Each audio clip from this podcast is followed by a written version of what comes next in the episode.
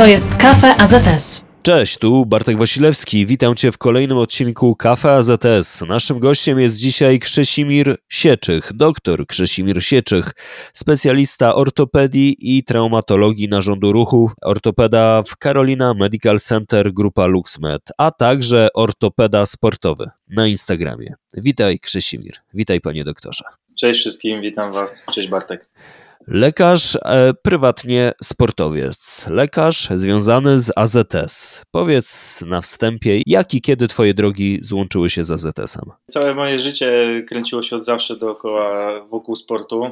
E, trenowałem żeglarstwo i bardzo lubiłem pływanie. Szło mi to dobrze, mimo że nie byłem nigdy takim zawodnikiem, wy, wyczynowcem. I w momencie, kiedy już dostałem się na studia medyczne, rozpocząłem te studia, to bar- jeszcze szczerze mówiąc na pierwszym roku Wiedziałem, że jest y, AZS, bo poszedłem do sekcji pływackiej, już startowałem w, w zawodach lekarskich czy, czy w rzutach akademickich Mistrzostw Warszawy, e, ale nie wiedziałem, że w tym AZS-ie można coś robić, a bardzo chciałem promować żeglarstwo wśród studentów medycyny i, i jakby zacząłem współpracować z samorządem, wtedy jeszcze Akademii Medycznej w Warszawie zorganizowałem regaty dla, dla studentów. Bardzo duża impreza, no ponad 100 osób z nagrodami, sponsorami. Jakoś mi to tak fajnie wyszło. I, i po tej imprezie gdzieś spotkałem na jakimś, e, jakimś spotkaniu chyba samorządu, byli przedstawiciele AZS-u e, naszego ZWM-u, czyli Jurek Szanowski, który wtedy był jeszcze chyba wiceprezesem i, i Magda Hołownia jako, jako studentka też działająca w AZS-ie. tak od słowa do słowa się zgadaliśmy, że jest coś takiego, można takie rzeczy robić w ramach AZS-u, można trochę sobie podziałać. E, przy okazji jeszcze wystartowałem w, to się nazywało Akademickie Mistrzostwa Polskiej Klasy Olimpijskiej w żeglarstwie. Udało mi się zdobyć medal, dzięki temu miałem stypendium sportowe, więc już w ogóle ten AZS bardzo polubiłem, bo wtedy pamiętam, że na, na tym naszym WUM-ie to stypendia sportowe były wyższe niż, niż naukowe, więc w ogóle było super same korzyści, czyli poszerzałeś swoje e, horyzonty, poszerzałeś swoją wiedzę, ale także chciałeś zobaczyć, czy to, czego uczysz się w teorii na studiach, sprawdza się w praktyce w AZS-ie?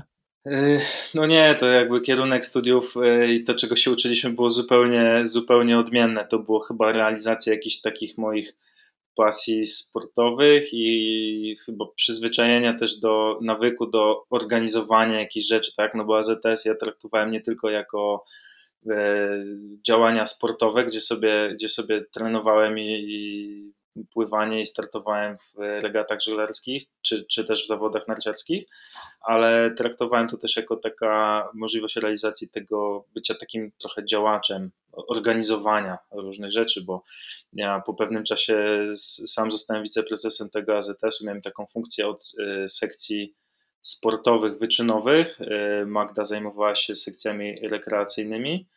Prezesem wtedy został Jurek Szanowski. Y, no i bardzo mi się podobało takie, że mogłem coś podziałać, poorganizować. I szczerze, to mi to nawet utrudniało trochę studiowanie, bo zajmowało to dużo czasu. No ale, ale jakby mnie napędzało, nakręcało. No, ja nie lubiłem takiej próżności, nigdy nie lubiłem siedzieć, zawsze coś robiłem i po prostu tą energię spożytkowałem też na bycie działaczem.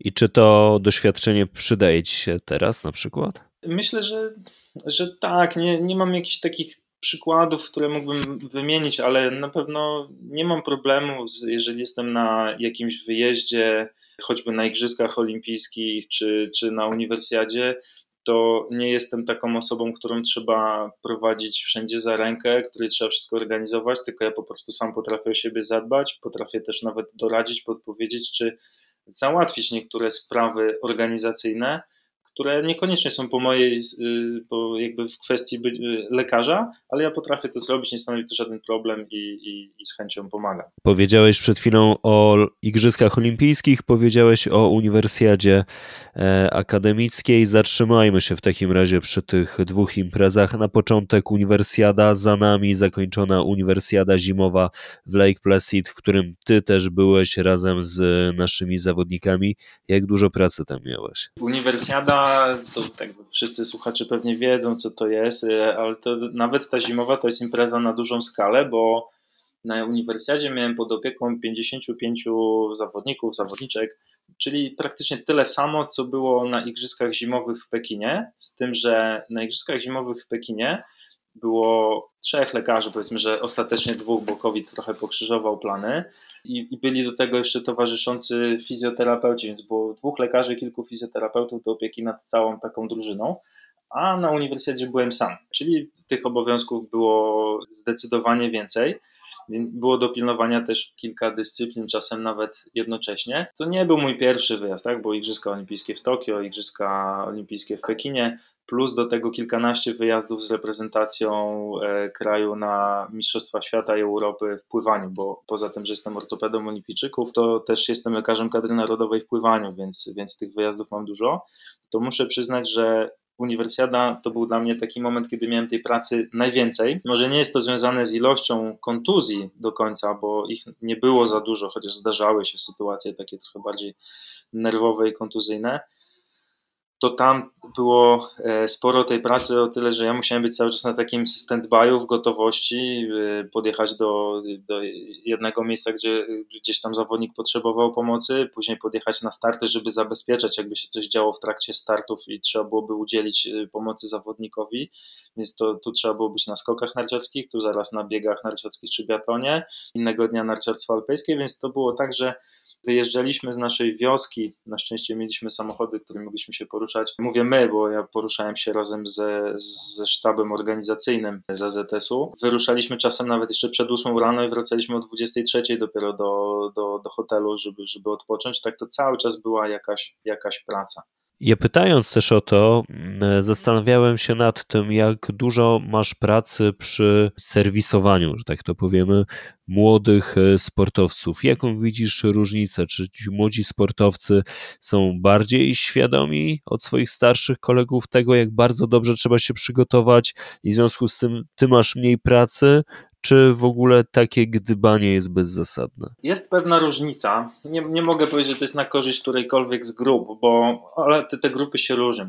Młodzi zawodnicy, którzy jeszcze nie są przyzwyczajeni do takich imprez e, właśnie poważnych, choćby jak uniwersjada, oni na przykład nie są przyzwyczajeni do tego, że jest z nimi na wyjeździe lekarz, któremu można zgłosić różne problemy, tak, bo ja, mimo że tego, że jestem ortopedą, to ja y, na takim wyjeździe jestem lekarzem od wszystkiego. Jeżeli kogoś boli brzuch, bo zjadł coś nie, niezdrowego, czy się zatruł, albo kogoś boli ucho, czy piecze oko, to też może uzyskać ode mnie taką pomoc. Oni nie są tego świadomi, w przeciwieństwie do zawodników starszych, którzy lubią tam przy okazji tak, tak sobie rozładowują nawet stres przed, przedstartowy i, i, i przychodzą z byle to nazwijmy może nie pierdołam, ale z każdym problemem, żeby tam chociaż chwilę porozmawiać sobie z lekarzem, to ci młodzi jeszcze nie są do tego przyzwyczajeni. Z drugiej strony no, mają też mniej takich kontuzji przewlekłych, schorzeń, z którymi oni jakby, których nabawili się przez, przez wiele lat uprawiania sportu, więc są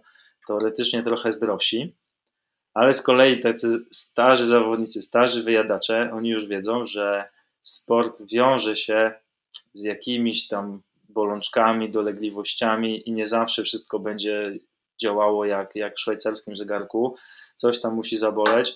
I ci młodsi zawodnicy do niektórych drobnych kontuzji, dolegliwości oni przywiązują większą wagę, bardziej się ich boją. No ale nie można mieć im tego za złe, bo lepiej jest, żeby coś skonsultowali raz czy dwa razy za dużo, niż, niż przegapili jakiś problem, który może jakby spowodować już większe kontuzje. I to jest ta najważniejsza rada dla młodych e, sportowców, którą chciałbyś się podzielić na świeżo po uniwersjadzie? Ta uniwersjada to było coś, coś wspaniałego. To była, to była świetny, świetny wyjazd, świetni ludzie, świetni zawodnicy i ja nie mogę powiedzieć o nich złego słowa. Bardziej bym jako taką radę dla młodych sportowców, wynikającą już z mojego doświadczenia kilkuletnich obserwacji, ta ich młodość i zdolność do regeneracji i kompensowania niedoborów takich ogólnorozwojowych, ona nie będzie trwała wiecznie i w pewnym momencie oni się nabawią jakichś kontuzji przeciążeniowych, które będą w wyniku zaniedbań e, sprzed, sprzed lat. Więc e, taka jest rada dla, dla młodych sportowców, żeby e, jakby poza trenowaniem własnej dyscypliny stricte wysoko specjalistycznej, pamiętali też o y, treningach y, ogólnorozwojowych, motorycznych, współpracy w ogóle z trenerem takim tak zwanym no, motorycznym, czy wykonywanie treningu medycznego, tak to też możemy nazwać.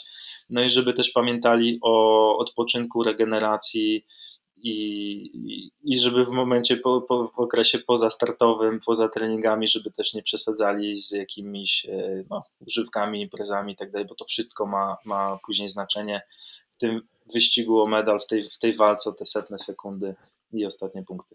Czyli odrzucamy ducha lat 90. na przykład z polskiego sportu, zdecydowanie.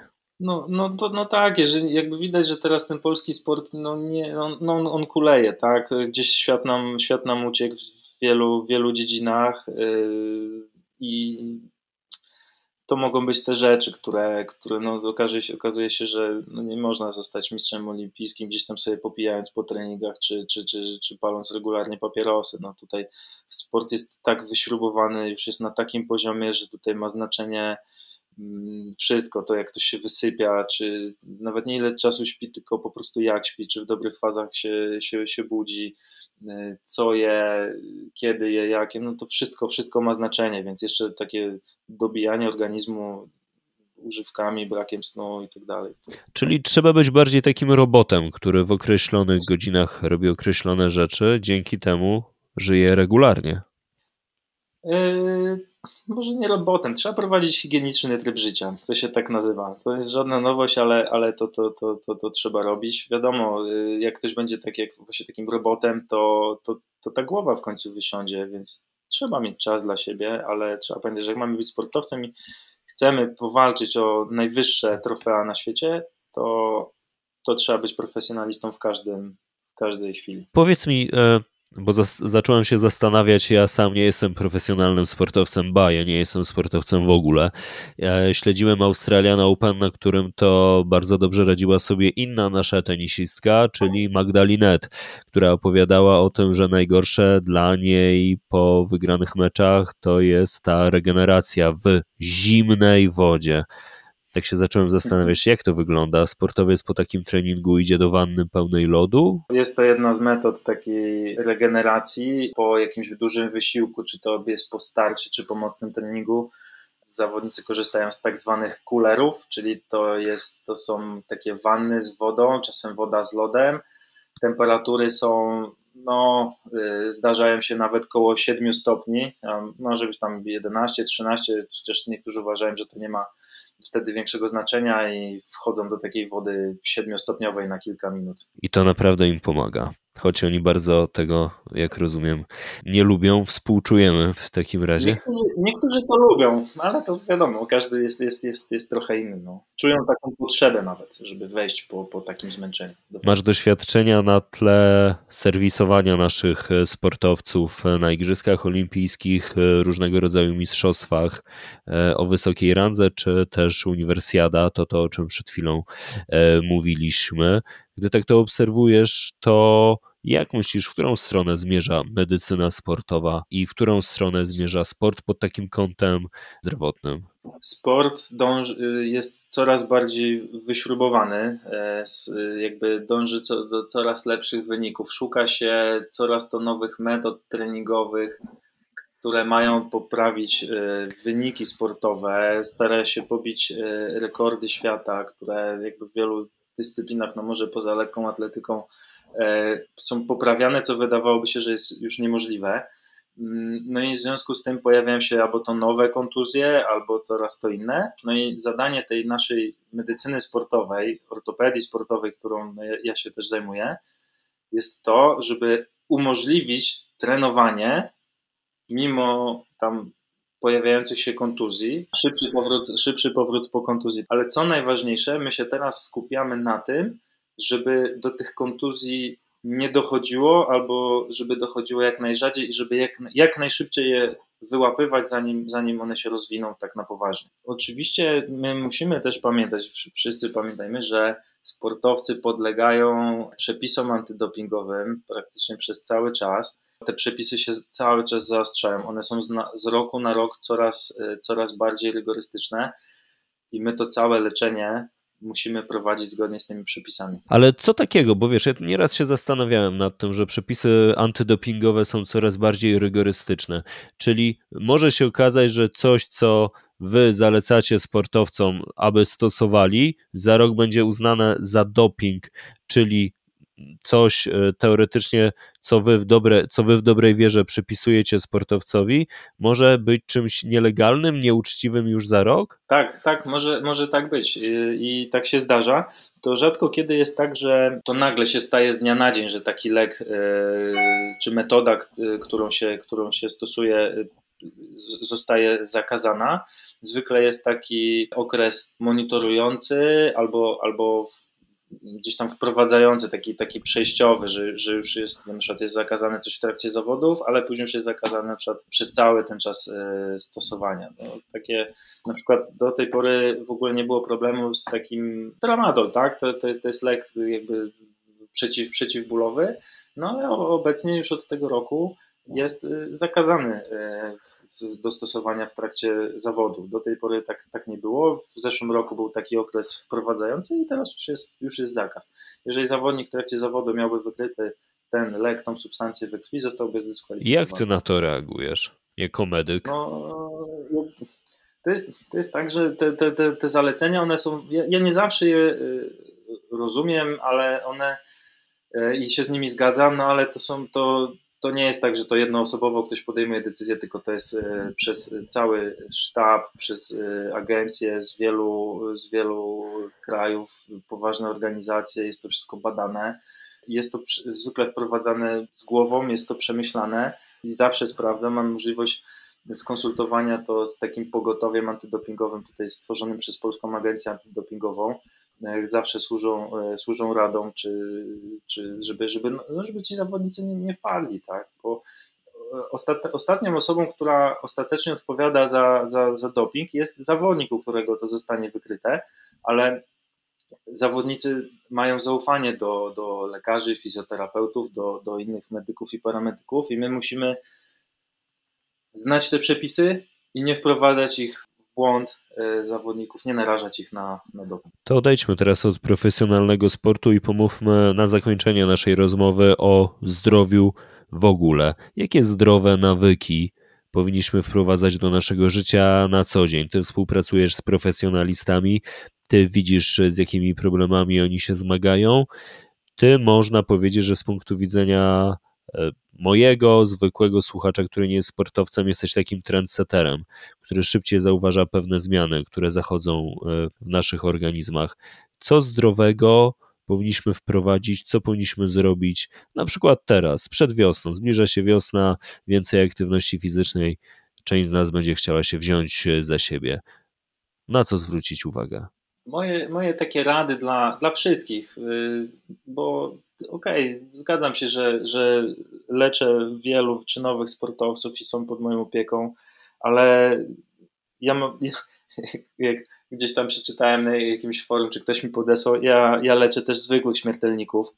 E, z takimi osobami też mam bardzo dużo do czynienia i e, widzę gorsze skutki zaniedbania i braku aktywności ruchowej niż y, jego nadmiarna. Żadna skrajność nie jest dobra, ale jeżeli już to myślę, że mniej problemów mają te osoby, które uprawiają sport i robią nawet tego trochę za dużo niż te, które w ogóle się nie ruszają. E, moja taka rada by była, żeby wprowadzić sobie w nawyk, żebyśmy my byli aktywni codziennie. Optymalnie byłoby mieć godzinę, półtorej e, sportu takiego umiarkowanym natężeniu codziennie ale nawet nie wiem, niech to jakby to było trzy razy w tygodniu, cztery razy w tygodniu, to byłoby super. To, co bym przestrzegał, to żeby to nie był, nie był to tylko jeden sport, żebyśmy nie popadli w jakąś tak zwaną specjalizację w jednej dyscyplinie, która, bo każda dyscyplina ma jakieś swoje plusy, minusy, tworzą się złe stereotypy ruchowe, tworzą się przeciążenia. Więc osobie, która w ogóle nie jest sportowcem, ale chce zadbać o zdrowie, ja bym y, sugerował, tak, no na pewno basen jest formą sportu bardzo bezpieczną, bo jest ogólnorozwojowa, poprawia wydolność, nie obciąża stawów, to jest jedna sprawa. no ale też nie będzie z kolei wzmacniała mięśni posturalnych, nie będzie wpływała na zmniejszenie bólu pleców, bólu kolan i tak dalej, więc tutaj zalecałbym też trening oporowy, czyli po prostu siłownia, ale pod nadzorem i tak przez y, jakby wprowadzenie w tą siłownię powinno być z trenerem y, siłowni, który ma pokończone odpowiednie kursy i sprawi, że jest to dla nas bezpieczne. To jest taka, to jest taka podstawa. E, I trzeci, trzeci sport, jaki bym do tego dorzucił, to już niech będzie coś, co po prostu komuś sprawia frajdę. E, żeby była jakaś e, zajawka w tym wszystkim, to niech będzie jazda na rowerze, bieganie, koszykówka z kolegami, piłka nożna, nie wiem, niech ktoś pójdzie sobie na, na judo, ale żeby były dwa takie sporty właśnie podstawowe, pływanie, siłownia i do tego coś, coś jeszcze. Oczywiście polecam też przesiadkę z samochodu na, na rower na co dzień, jeżeli jest to możliwe, żeby dojrzeć do pracy. E, jeżeli ktoś jeździ komunikacją, to żeby zrobił sobie dłuższy spacer, na przykład jeden przystanek czy dwa przeszedł na piechotę i dopiero potem wsiadł do autobusa. To są takie podstawowe już rzeczy. Jak jest gdzieś winda i schody, to wejść sobie schodami. A ty jaki sport dzisiaj zamierzasz uprawiać? Ja dzisiaj mam straszny ból nóg po, z powodu zakwasów po, po, po bieganiu i w ogóle wracam po, po kontuzji. Niedawno miałem operację ręki, którą nabawiłem się w trakcie surfingu i teraz robię wszystko, żeby jak najszybciej do tego surfingu wrócić, bo to jest obecnie moja miłość, moja pasja, ale myślę, że dzisiaj jakiś ergometr wyślarski to zrobię, bo to świetna forma ruchu. I to wszystko możecie obserwować innymi na Instagramie naszego gościa, ortopeda sportowy czyli Krzesimir Sieczych był naszym gościem. Dzięki wielkie, Krzesimir, za poświęcony nam czas. Dzięki, pozdrawiam. Bądźcie aktywni, uprawiajcie sport, będziecie mieli z tego same zalety, same korzyści. Same zalety i same korzyści, oczywiście. Bartek Wasilewski, to wszystko na dziś w podcaście Kafe ZS. Do usłyszenia następnym razem. Cześć.